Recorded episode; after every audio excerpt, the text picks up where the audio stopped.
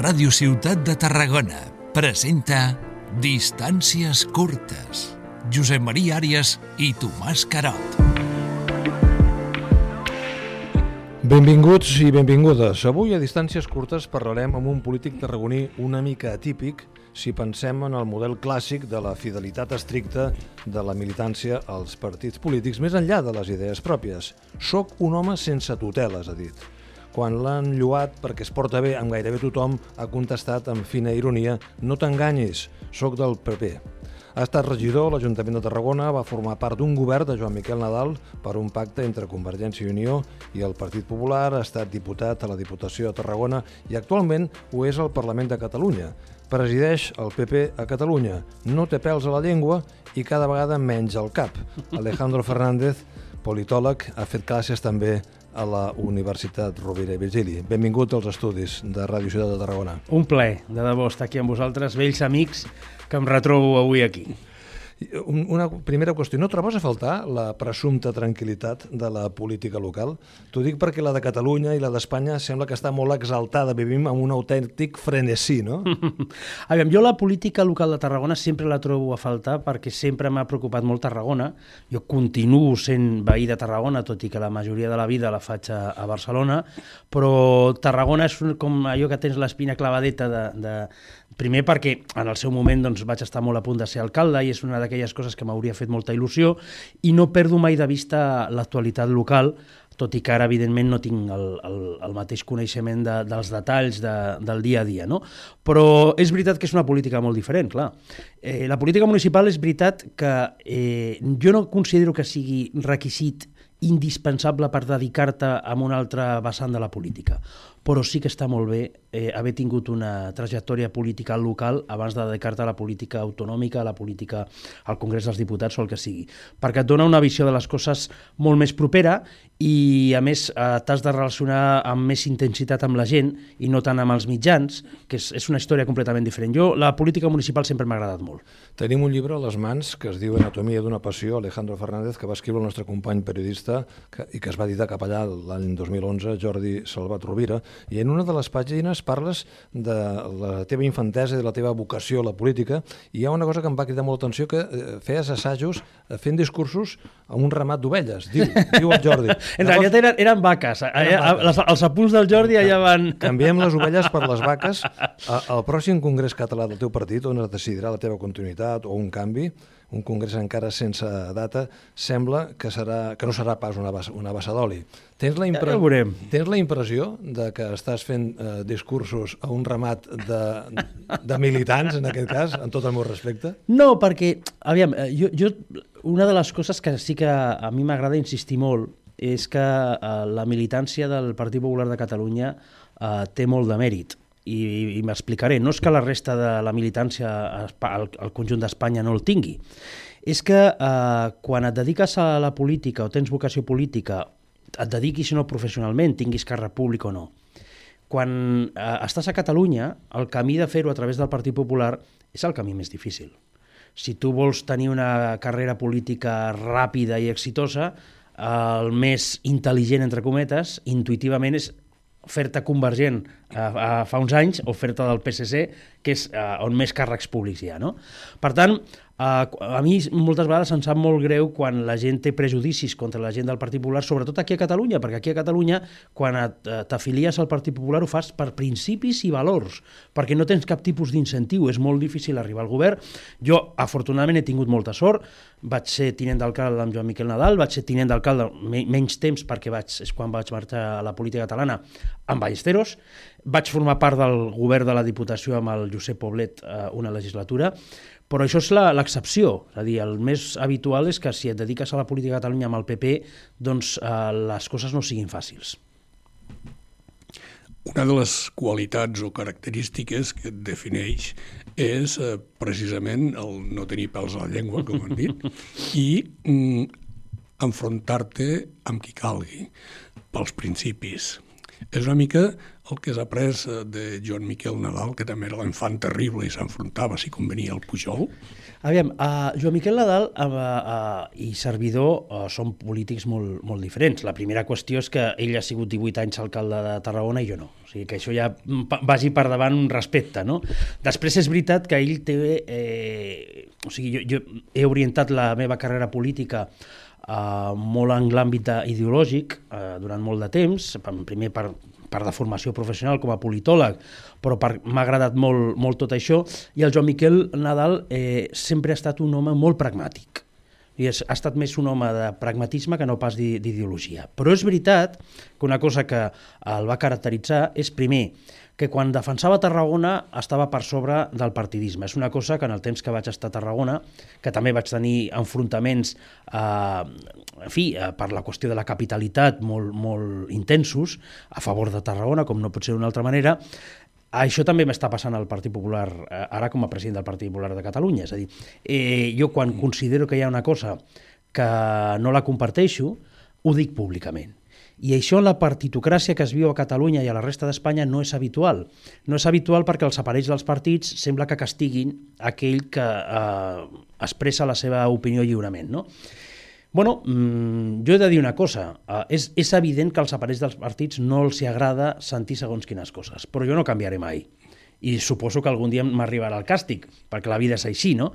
I, i ho has, ho has d'afrontar amb, amb tota la humilitat del món. Però quan no estigui d'acord amb una cosa, ho diré, perquè és que si no, no, em, no, no podria dormir a les nits, és la meva manera de ser. De fet, eh, has manifestat la teva opinió sobre dos temes que estan de rabiosa actualitat en aquests moments, Operació, Catal Operació Catalunya, mm. respecte indirectament o directament amb el tema del tsunami democràtic, eh, amb una afirmació categòrica de que la unitat d'Espanya, que és el teu projecte, la teva mm. visió política, es defensa amb idees, amb la llei, amb tota la llei, però només amb la, amb la llei. Sí, no? aviam, el primer que tinc molt clar és que s'ha de respectar els tràmits de la justícia, s'ha de respectar la presumpció d'innocència de les persones, però un cop eh, això es té clar, jo tinc molt clar també, valgui la redundància, que algunes eh, converses que han sortit, gravacions, etc, a mi des del punt de vista ètic i moral, vinguin d'on vinguin, no m'agraden i no em semblen correctes. Serà un jutge qui decideixi si això era legal o no, no, no em pertoca a mi. Però el que tinc molt clar és que Uh, el que no es pot fer és, si tu precisament critiques de l'àmbit independentista, que es van saltar reiteradament la llei i que ho van fer de manera conscient, malgrat que els vulguin amnistiar ara, tu has de tenir molt clar que si t'enfrontes uh, i tens al davant algú que es dedica sistemàticament a incomplir la llei, tu t'has d'enfrontar amb la llei a la mà. És l'únic instrument. I a més, a llarg termini és l'únic que funciona. Alguns es pensen que, eh, en fi, amb segons quines operacions eh, s'arriba abans. No, mai. Potser a curt termini sí però a la llarga això acaba passant factura sempre. I només quan tens un camí i una coherència, al, a llarg termini rebràs el premi. Potser eh, reps els clatallots a curt termini. Però passa el mateix amb el debat de les idees. És a dir, si tu mantens unes idees eh, clares, respectant les idees de l'adversari, però les mantens clares, finalment, siguin o no unes idees majoritàries, però finalment tindràs premi. El teu partit s'ha pronunciat clarament en contra, per diferents arguments, d'aquesta llei d'amnistia mm. que proposa el govern de, de Pedro Sánchez.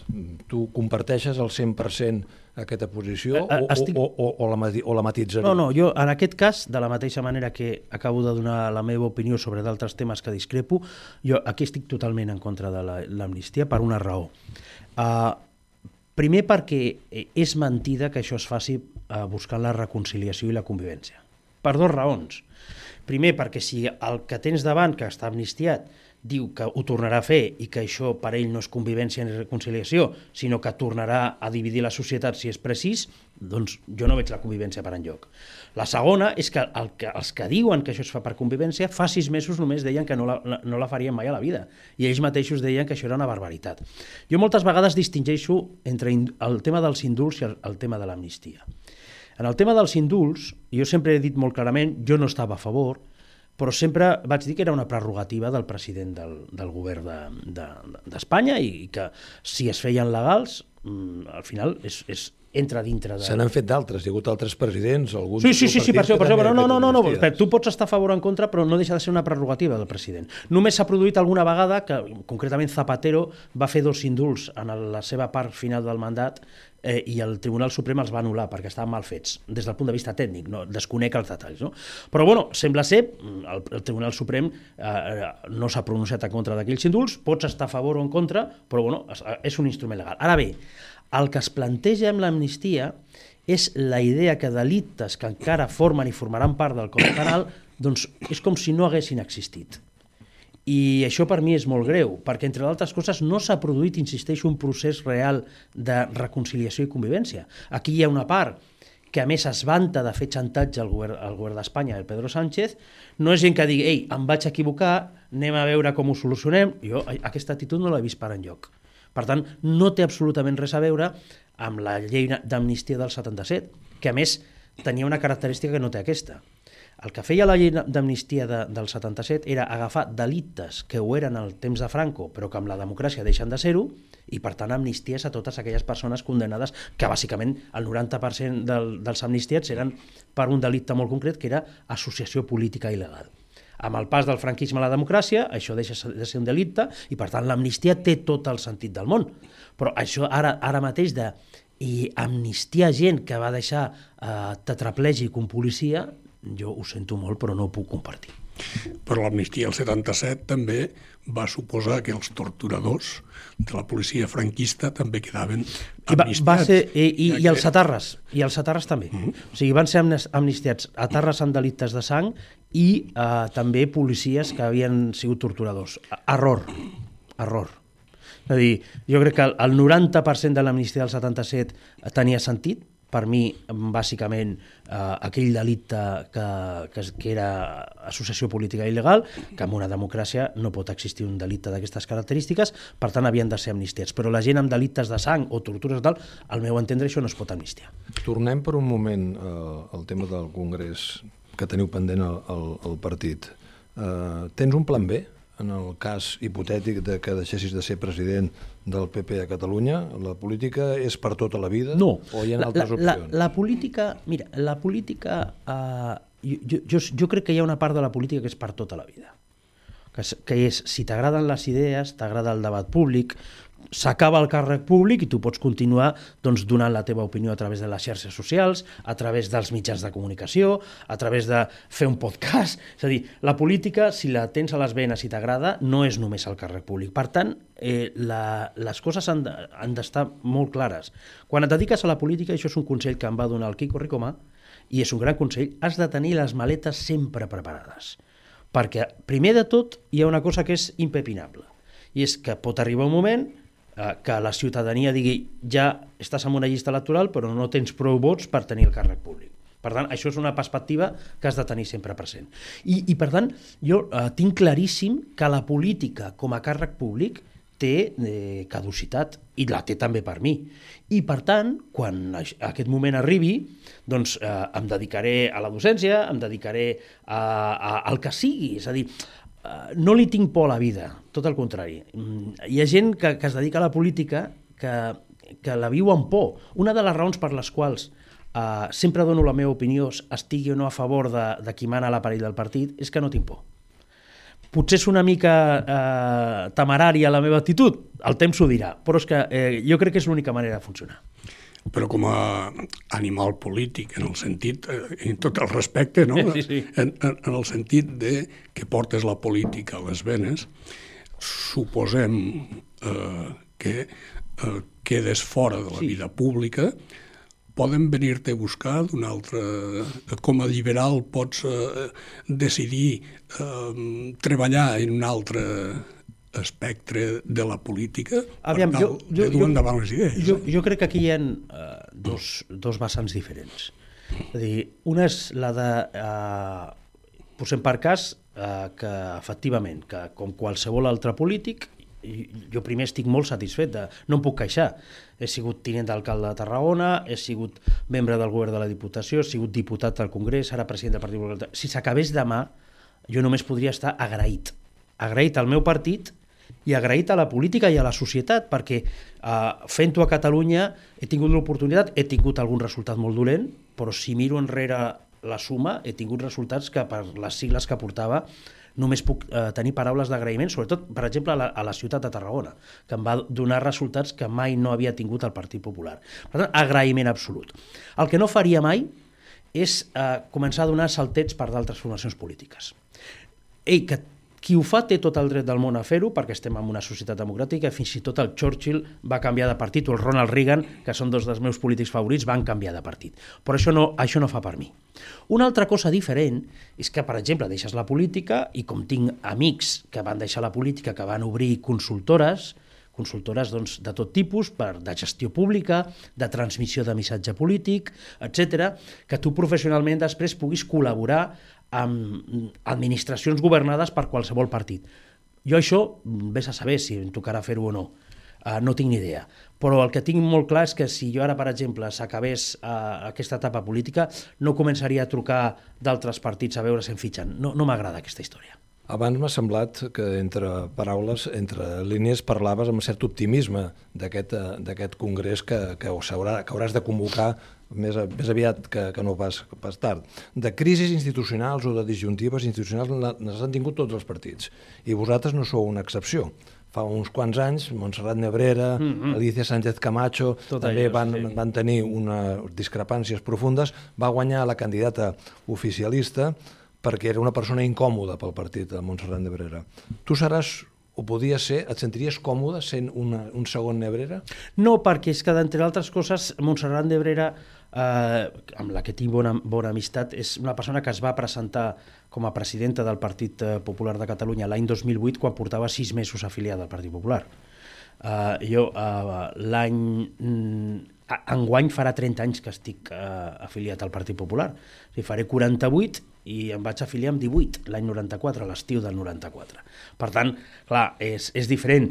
Ara, jo el que sí que estic molt acostumat és a, a guanyar congressos contra candidatures oficialistes. Per tant, eh, eh, tinc la mà trencada amb això, no, no, no em fa por.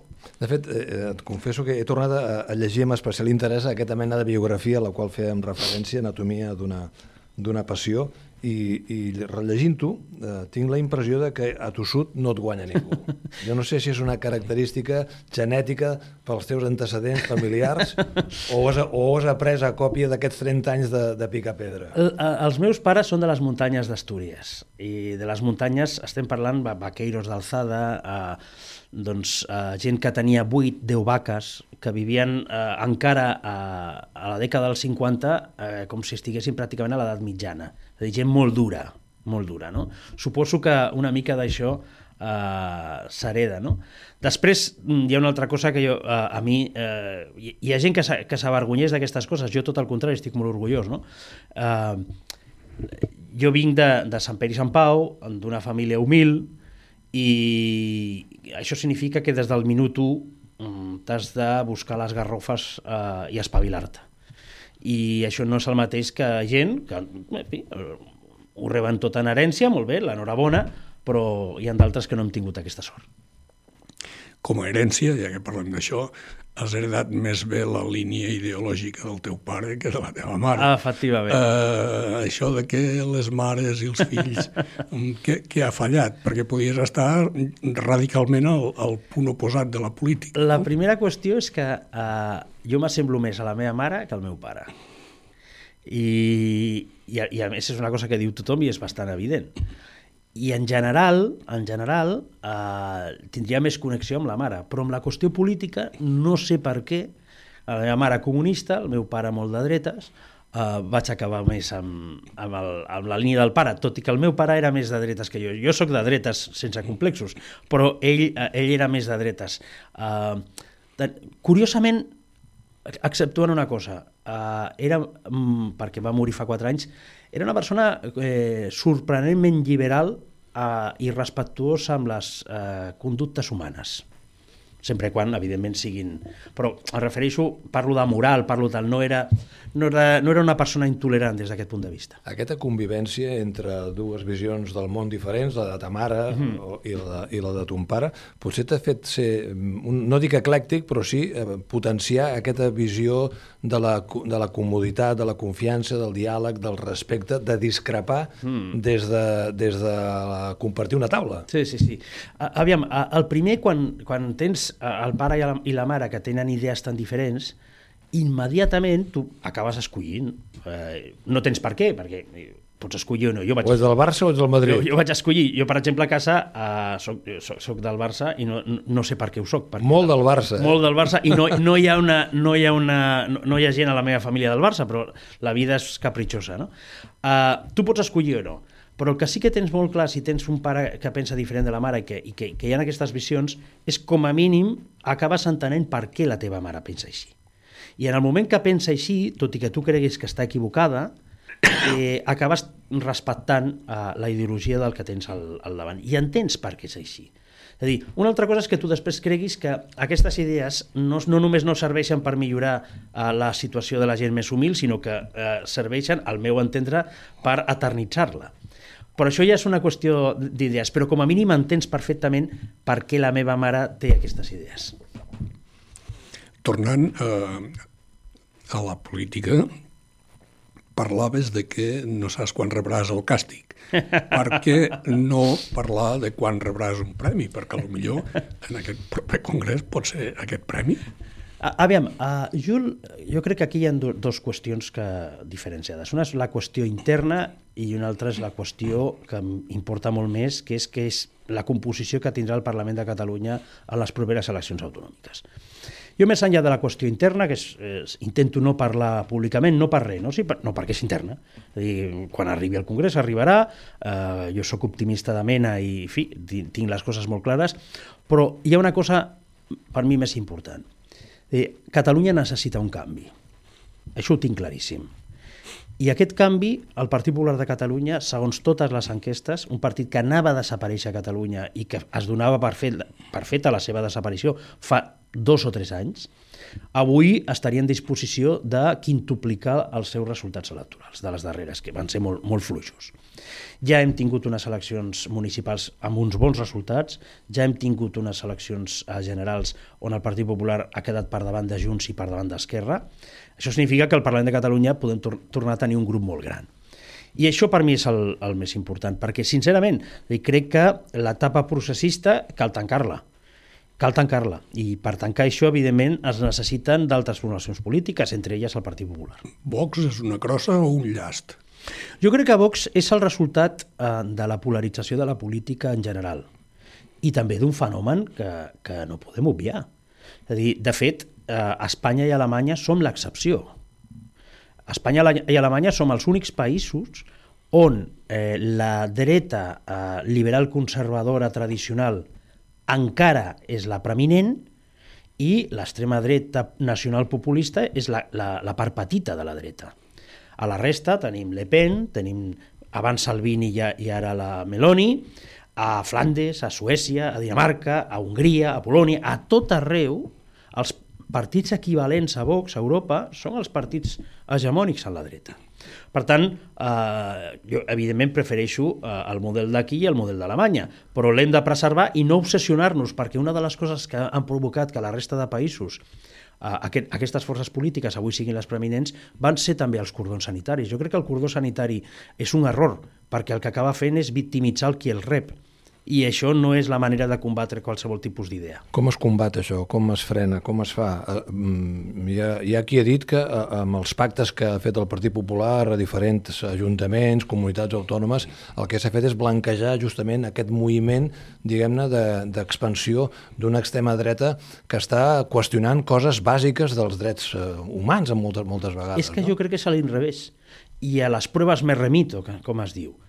Juanma Moreno, Almeida i Ayuso necessitaven els tres, que a més són tres polítics del Partit Popular, però amb perfils ideològics molt diferents, els tres van necessitar Vox a la passada legislatura. Van governar bé, no es va produir cap tipus de problema i ara tenen majories absolutes i Vox pràcticament ha quedat aïllat en els seus parlaments. Jo, sincerament, crec que la manera és clar, evidentment jo tiro cap a casa, no? però jo crec que la manera és que el Partit Popular governi, que ho faci bé i la següents majoria absoluta i el problema desapareix.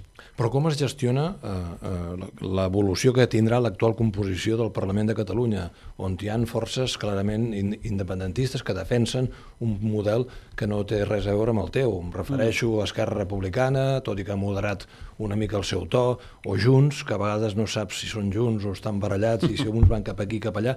Com, com es conjuga tot això per donar aquesta estabilitat, aquest canvi que tu creus que necessita Catalunya? Perquè eh, abans parlaves de les idees, sí. de que la unitat d'Espanya es defensa amb les idees i la independència també es pot defensar amb les idees. A mi, particularment, eh, sempre m'ha agradat i ho he dit a Catalunya perquè és un cas molt concret, és, és un model que seria pràcticament inviable a la resta d'Espanya, però eh, a Catalunya és un model que, al meu entendre, funciona. Res, res eh, tenim d'idíl·lic a la política catalana, tot és molt complicat. Però el, els pactes que històricament es feien entre l'antiga Convergència i Partit Popular, que es van fer a tot arreu a Catalunya, i que van ser pactes que van donar estabilitat i tranquil·litat, no van ser una bassa d'oli, d'acord? No van ser idíl·lics, tot té defectes, però com a mínim no teníem l'embolic que tenim ara. Una de les coses que jo pensava, i que va ser un dels motius perquè vam convertir en el seu moment Tarragona en l'única capital de província espanyola amb la qual es va produir un pacte socialistes Partit Popular, que és un pacte que jo vaig tancar amb Josep Félix Ballesteros, que havia sigut el meu rival i gairebé, no faig servir mai la paraula, però enemic des del punt de vista polític, perquè eh, després ens va fer amics però quan competíem eh, justament en aquesta etapa del llibre, la relació, com que la competició era ferotge, no era la més eh, amistosa del món, no? Però eh, un cop eh, la ciutadania de Tarragona finalment va eh, reeditar la confiança en Ballesteros, jo vaig pensar que el millor per donar estabilitat era acords Partit Popular-Partit Socialista. A mi això m'agradaria que això fos la composició d'un canvi polític a Catalunya, perquè hem de ser realistes, l'aritmètica és l'aritmètica. Ara bé, no veig en el PSC actual la mateixa predisposició que em vaig trobar aquí amb, eh, amb el Partit Socialista. I probablement tampoc en el Partit Popular a nivell nacional. Ho dic perquè les relacions entre PSOE i Partit Popular en diferents qüestions eh, no, són, no dic que seriguin d'amor-odi, però és d'una competència també molt dura sí. que potser fa que sigui difícil i com que hi ha molta contaminació, sí, molt de sí. trasbàs de posicionaments entre la política catalana i la política estatal, això no pot dificultar aquest, aquest, eh, aquesta opció d'un illa eh, com a força més votada del PSC amb el suport del Partit Popular? Jo crec que ara mateix el, el principal problema és el mateix Illa, des del moment en què està entregat a Esquerra Republicana. Si ell realment tingués eh, vocació de ser president de la Generalitat de Catalunya, estaria eh, plantejant la política catalana en termes diferents, que no, no estaria sotmès a, a, al separatisme. Aquesta és la meva, la meva idea. Després hi ha una cosa. Jo el que tinc molt clar també és que si es donés una oportunitat de canvi a Catalunya, però un canvi, també parlo per una qüestió d'alternança política. I Catalunya és veritat que ha tingut eh, governs de composició diferent, però la part nacionalista independentista sempre ha estat present, eh, ja fos amb els governs de Jordi Pujol, amb el tripartit amb Esquerra Republicana i ara amb Esquerra Republicana en solitari i abans amb Junts. Jo crec que després de més de 40 anys d'autonomia, de recuperació de l'autonomia, jo crec que un govern on no hi hagués una part eh, nacionalista independentista, jo crec que seria bo per Catalunya. Eh, perquè no s'ha no no assajat mai. Aquesta és la meva idea. Ara, una altra cosa, insisteixo, és el que pensi el Partit Socialista, que jo ara mateix els veig més per una altra... I els electors, i el que pensin i decideixin els és electors. És que una de les coses més eh, rellevants del nou escenari, fins i tot que marca el Centre d'Estudis d'Opinió, és que per primera vegada, en 20 anys, les forces nacionalistes independentistes no sumarien majoria. Això què faria? Evidentment, no faria que l'alternativa fos senzilla, perquè posar d'acord a la resta mm, seria una feina eh, considerable. Però, vaja, com a mínim dic que s'obre una oportunitat de canvi a Catalunya i que eh, el Partit Popular mm, és la força política que defensarà un canvi polític a Catalunya eh, és el Partit Popular, bàsicament, que a nivell d'estat, i jo com a ciutadà de Catalunya, em dol em fa mal quan, per exemple, campanya electoral a Galícia, el 40% d'intervencions són referides i referents a Catalunya, i sempre des d'una posició pejorativa. Com ho veus, això, ho, ja que estàs treballant a Catalunya? Ho veig exactament igual de malament que quan al Parlament de Catalunya es fan les intervencions, in, la immensa majoria, jo, jo he arribat a sentir al Parlament de Catalunya referir-se a la gent d'altres llocs d'Espanya de, que viuen a Catalunya i que són tan catalans com el primer, eh, com a colons. Això s'ha dit al Parlament de Catalunya per part de diputats eh, nacionalistes que eh, menys tenen una part substancial de la... De la, de la en fi, és que, perquè ens entenguem, i, i, i posant una mica fil a l'agulla a l'argument, és dir, és eh, tan repulsiu que se li digui a la resta d'espanyols, de, eh, ñordos, colonos, eh, eh, charnegos, no? aquest tipus de coses, o que es digui que són uns dropos al sud d'Espanya, no sé què, com quan es diu eh, que els catalans robem a la resta dels espanyols. És a dir, això s'ha d'acabar d'una banda i de l'altra, però també he de dir una cosa, també he de dir una cosa. Jo el nivell d'agressivitat eh, que he vist aquí per part d'algunes formacions polítiques respecte a la gent de la resta d'Espanya, jo no la, no la, he vist errors, i errors alguns greus, però no he vist aquesta agressivitat respecte als catalans. Potser és una opinió subjectiva, ho entenc, Uh, però aquesta és la meva opinió. Des d'un punt de vista macropolític, la, la desaparició de la Convergència i Unió o de la Convergència de tota la vida, mm. del Pujol, del Peix al Cova, ha fet mal en el mapa polític català? Ha, ha, ha facilitat una certa crispació, una, un cert deixar a, a l'armari la voluntat d'acords més enllà de les discrepàncies? Jo, jo el que crec és que uh, al final, en el fons, si mirem una mica la història de la política contemporània a Catalunya, en realitat el període Pujol és l'excepció. El projecte polític de Pujol és un projecte eclèctic, molt dominat per una personalitat política desbordant, però no és eh, el clàssic projecte nacionalista que ha tingut Catalunya. És a dir, el partit hegemònic al catalanisme polític històricament és Esquerra Republicana. Després va Unió era en el seu moment un partit petit, com sempre, la Lliga va tenir potser una rellevància en la figura de Cambó, però no era un partit eh, que va, que, tan hegemònic com va ser Esquerra Republicana a Catalunya. Mm, per tant, el, el projecte polític de Pujol necessàriament s'acabava en el moment que Pujol deixés la política. I és evident que funcionaven millor les coses en aquella època. Però és una altra cosa que he intentat explicar als meus companys moltes vegades. Eh, eh, Junts per Catalunya no té res a veure amb l'antiga Convergència. I ho sé perquè jo he treballat amb uns i he treballat amb els altres. I com feia, deia fa un moment, jo he col·laborat en governs amb Josep Poblet a la Diputació de Tarragona, amb Joan Miquel Nadal, que eren els dos de Convergència Democràtica de Catalunya, i no tenen res a veure amb els companys que tinc al Parlament de Junts per Catalunya. O sigui, no tenen res a veure... O sigui, són, uh, uh, són éssers humans tots, però tret d'aquesta coincidència, la resta, eh, la seva cosmovisió, la seva manera d'entendre el món, és radicalment diferent. Entens quan la ciutadania us reclama als, als polítics i als partits que toqueu de peus a terra, que atengueu, perquè tots, tots quan feu programes, tots poseu al centre de l'acció en els ciutadans, però quan mm. arriba la praxis política partidista, si més no, a les institucions, això sembla que es, es matitza molt, no? Aviam. I, i, i, i, i el que, la crispació que estem vivint avui en dia és una crispació que es trasllada moltes vegades més en els argumentaris, en els discursos dels diferents partits polítics, en el debat parlamentari, que no passa en el carrer. Sí, però és que jo crec que aquí hi ha dues coses. Com acabo d'explicar, eh, i, i a més puc donar fe a través de la meva trajectòria política, jo crec amb el diàleg, crec amb l'acord i crec amb el pacte.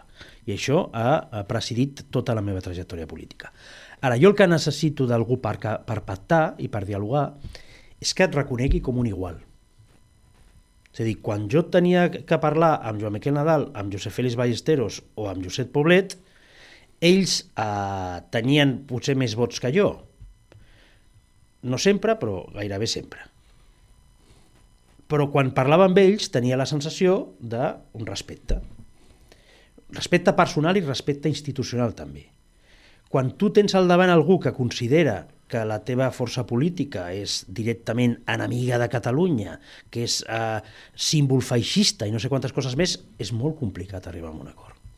Perquè, primer de tot perquè és injust referir-te a algú, però segon perquè tu el que no pots fer, aleshores això ja no és un acord o un diàleg, és una genuflexió i això no es pot permetre. Com que estem a Tarragona, tornem a parlar una mica de Tarragona. En diferents moments d'aquesta conversa aquí a distàncies curtes has parlat de la figura de Joan Miquel Nadal.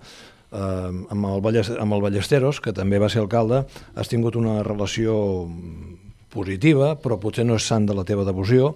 Pau Ricomà... No, sí que ho va ser finalment, eh? eh Pau Ricomà uh, va ser alcalde, però va ser molt després de que es publiqués aquest llibre al que fem referència. Què tenia Nadal que no han tingut els altres alcaldes de la ciutat de Tarragona? Clar, és el que explicava. Aquest llibre que tens entre mans es va publicar l'any 2011, que és uh -huh. just abans d'aquella campanya electoral que vaig, vaig estar molt a punt de ser alcalde de Tarragona i que uh, el meu competidor en aquell moment era, era, era Ballesteros. No? I per tant, eh, com que la competició, insisteixo, va ser ferotge, doncs la nostra relació personal en aquell moment no era bona. Però després, quan vam col·laborar junts eh, a partir de l'any 2015, ens van fer amics. I una de les coses que vaig explicar quan eh, vaig deixar l'Ajuntament de Tarragona en el darrer plenari era eh, el reconeixement també a la seva manera de fer política, perquè som eh, Ballesteros i jo molt diferents, però al final el que jo no vaig tenir mai cap dubte després de treballar amb ell és la seva eh, voluntat absoluta d'entesa, d'estabilitat, de tranquil·litat i de diàleg. Després va estar més encertat o menys amb decisions estratègiques que va prendre per Tarragona, que jo aquestes les continuo discutint. Crec que va tenir més encerts estratègics Nadal que no pas Ballesteros però eh, el, no tinc cap dubte d'atribuir a tots dos tarragonisme i estima la seva ciutat. I he de dir el mateix de Pau Ricomà. Eh, Pau Ricomà tinc una bona relació amb ell. Quan ell va entrar d'alcalde jo ja no estava a l'Ajuntament de Tarragona, i, però hem mantingut contacte. I crec que és una persona també que va donar el millor d'ell mateix, però eh, també crec, i això com, com que l'he dit amb ell personalment i ell no m'ho ha negat, pel, pel tipus de baralla postmoderna que és ara la política, eh, potser ell no era la persona més adient. No? És, ell és un home tranquil, és, és un home que li agrada la cultura, que li agrada doncs, passar... No, ell, eh, Pau Ricomán, no va néixer pel combat polític a, a cara de perro, que es diu, no? que moltes vegades és el que presideix avui la política. Um, Tarragona, però anant una mica més enllà, a cavall entre Tarragona i Catalunya, eh, el projecte d'una àrea metropolitana que s'ha intentat d'una manera o d'una altra durant aquestes legislatures i que ara sembla que també torna a voler encarrilar-se. Mm, tu, des de la teva posició i des del teu partit, com, com veuries els intents, per exemple, que la Universitat Rovira i Virgili i la Diputació van impulsar parlant d'una àrea del coneixement per definir el que seria la província de Tarragona. Sí. Aviam, jo he de dir una cosa sobre aquesta qüestió. Uh, mentre es respecti el lideratge de Tarragona com a capital en una fórmula d'aquestes característiques, tindrà el meu suport. Si no es respecta, no tindrà el meu suport, però no per una qüestió de tarragonisme en termes futbolístics o passionals, sinó perquè crec que si no hi ha un lideratge clarament definit en una àrea d'aquestes característiques, a Barcelona ningú no dubta qui té el lideratge. I és veritat que les dimensions a, a Tarragona no són com les de Barcelona i que és veritat que tenim dues ciutats, Tarragona és més gran, però amb una diferència eh, relativament petita eh, respecte de Reus. Però el lideratge l'ha de tenir la capital. Perquè si no el que acaba passant és eh, que una cosa que ha de, un instrument que ha de servir de cooperació i de mancomunar serveis acaba sent una competició per veure qui els lidera. I aleshores és qui és més viu a Barcelona, mm. qui és dalt, i aquí eh, això acaba perjudicant, al meu entendre, eh, tothom. És a dir, el fracàs precisament de la ubicació de l'actual estació de l'AVE no és el resultat de la maligna Madrid que va imposar un punt concret, no, en absolut. Va ser el resultat d'un territori que no es va posar d'acord perquè no hi havia un lideratge clar sobre com s'havia de fer. I per tant, eh, aquestes propostes, si no tenen un lideratge clar, clar per part de Tarragona, jo no veig futur. En aquests moments sembla que el lideratge de, de la ciutat de Tarragona s'està substituint pel colideratge entre diferents ciutats Eh, jo no sé si el canvi generacional que s'han produït a les alcaldies de Tarragona i de Reus, més enllà de, de, del partit o a, la, o a la presidència de la Diputació, és a dir, Vinyuales o eh, Guaita o, o Llaurador, són gent molt més jove i que potser tenen una visió diferent. Creus que això pot facilitar trobar aquesta fórmula perquè sembla ser, pel que ens arriba, que el problema no està en trobar la unitat aquí, sinó en la recepció que rebran aquestes reivindicacions a Barcelona, al Parlament de Catalunya, que a vegades costa de cedir. Sí, sí, no, no. De cedir protagonisme. Eh, eh, ja ja, ja m'agradaria a mi que cedís. Eh, de fet, el concepte Barcelunya me'l vaig inventar jo. o sigui que, que, que el centralisme barceloní... Eh, el, el, sempre explico que el centralisme de Madrid existeix i és molt potent, però el centralisme de Barcelona és encara més potent per una raó, perquè Barcelona pot competir amb Madrid, però la resta de Catalunya no podem competir amb Barcelona. O sigui, eh, o Barcelona deixa una mica de marge o aquí no tenim absolutament res a fer, no? Aviam, eh, jo, d'una banda, eh, quan veig les imatges de, de l'alcalde de, de Tarragona i l'alcaldessa de Reus, doncs que sembla que tinguin una sintonia personal i aquest tipus de coses, molt bé que tinguin aquesta sintonia personal, però això té moltes vegades de tretzo polític i de postureo. Uh, jo no, no sóc tan optimista respecte, respecte de les possibilitats. Uh, jo insisteixo, és la meva opinió, això ho ha de liderar Tarragona. És la meva opinió. uh, tornem al personatge polític, a veure en un escenari de futur dins de la política activa institucional, per què apostaries? Ajuntament, Parlament, Congrés o Europa, que no l'has tastat? Ministeri. No, no, no. no. Aviam, jo ara, ara mateix eh, estic absolutament concentrat amb el tema de la política catalana. I, i tan concentrat que no, no em plantejo cap tipus d'escenari futur. He fet política local, he fet política al Congrés dels Diputats, el tema de la política europea ni, ni m'ho plantejo absolutament concentrat amb el tema de la política, de la política autonòmica. Perquè va ser una decisió, quan vaig marxar a, a, a presidir el Partit Popular de Catalunya, no va ser una decisió fàcil. Jo era primer tinent d'alcalde de Tarragona, eh, tenia una posició política molt consolidada aquí, i allà anàvem amb unes enquestes de zero, de zero i no va ser zero, però gairebé. O sigui, va ser tres diputats al Parlament. No va ser zero i estem vius, però va ser uh, un moment molt complicat. I jo era plenament conscient de, de que anava amb una situació uh, de, de, molt complicada pel Partit Popular i molt complicada per Catalunya. Si encara puc aportar no només al meu partit, que és secundari, sinó també al conjunt de Catalunya des del Parlament de Catalunya, uh, ho faré. Jo l'altre dia escrivia una cosa. Aquí a Tarragona no estem tenint el problema de restricció d'aigua perquè algú fa molts anys, entre els anys 88 i l'any 90, va fer les infraestructures necessàries i aleshores no hi havia ningú que fes la guitza amb arguments populistes sobre la gestió de l'aigua. I això significa que, que allò que es va, de, va, va dir eufemísticament el minitransvasament permet que tota aquesta zona doncs, tingui un recurs vital per la vida com és l'aigua doncs, amb unes condicions raonables la eh, demagògia que ha presidit la política catalana ha provocat que ara, a Catalunya, sobretot l'àrea metropolitana de Barcelona, estigui una, en una situació crítica.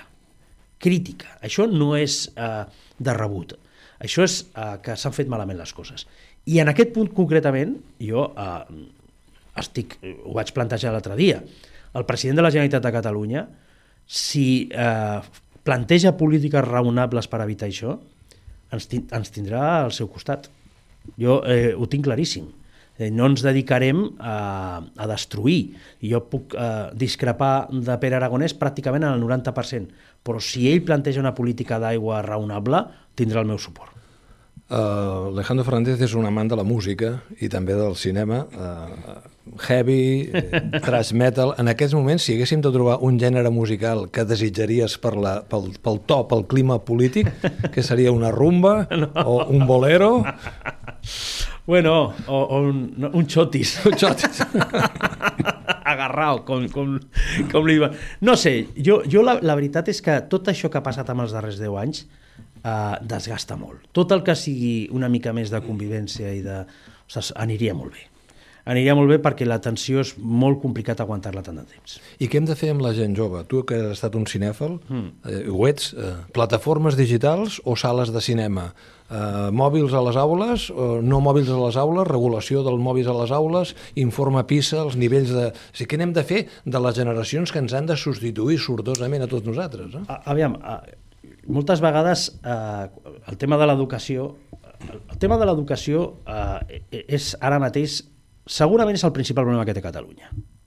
El principal problema que té Catalunya no és ni la identitat ni la relació governamental amb la resta d'Espanya, és un fet absolutament eh, fi, nociu, és que és indescriptible que una de les eh, regions europees eh, amb més potencialitat tingui ara per ara les pitjors, les pitjors dades de qualitat educativa de tota Europa. Jo tinc la meva opinió de per què això ha passat. Jo crec que a Catalunya s'ha imposat un model que barreja el pitjor del progressisme mal entès amb el pitjor del nacionalisme mal entès. En la part eh, del progressisme mal entès és que a Catalunya s'ha posat en pràctica un sistema on la cultura de l'esforç no està al centre del sistema educatiu que és tot això de poder passar de curs amb tres assignatures o quatre suspeses. Jo això no ho puc entendre. Perquè convertir l'educació en un balneari no et servirà de res, perquè quan la gent surt d'escola ve la jungla, i la jungla no perdona. Allà sí que no passes de curs amb tres, amb tres suspeses. No? Per tant, eh, a mi el que m'agradaria és uh, un sistema educatiu uh, més exigent. Després, la qüestió cultural. Uh, clar, jo amb això, amb 47 anys, soc uh, old school. A mi m'agrada el cinema i crec que l'experiència del cinema físic és uh, insubstituïble. Però, clar, he d'entendre també que els joves actuals doncs, això no els acabi de convèncer que tinguin d'altres maneres d'accedir a la cultura, etc etc. Continuaríem, però se'ns ha acabat ja el temps. T'hem de donar moltes gràcies, Alejandro, per haver-nos acompanyat i molta sort en tot, no només en aquest eh, futur congrés, sinó sort en la vida i ens tornarem a trobar un altre dia. Doncs és el mateix que us desitjo a, a vosaltres i la veritat és que aquesta mena de retrobament amb la meva política tar tarragonina ha, ha sigut un plaer. Moltes gràcies. La setmana que ve tornarem a més distàncies curtes. Adéu-siau. Distàncies curtes. Josep Maria Àrias i Tomàs Carot.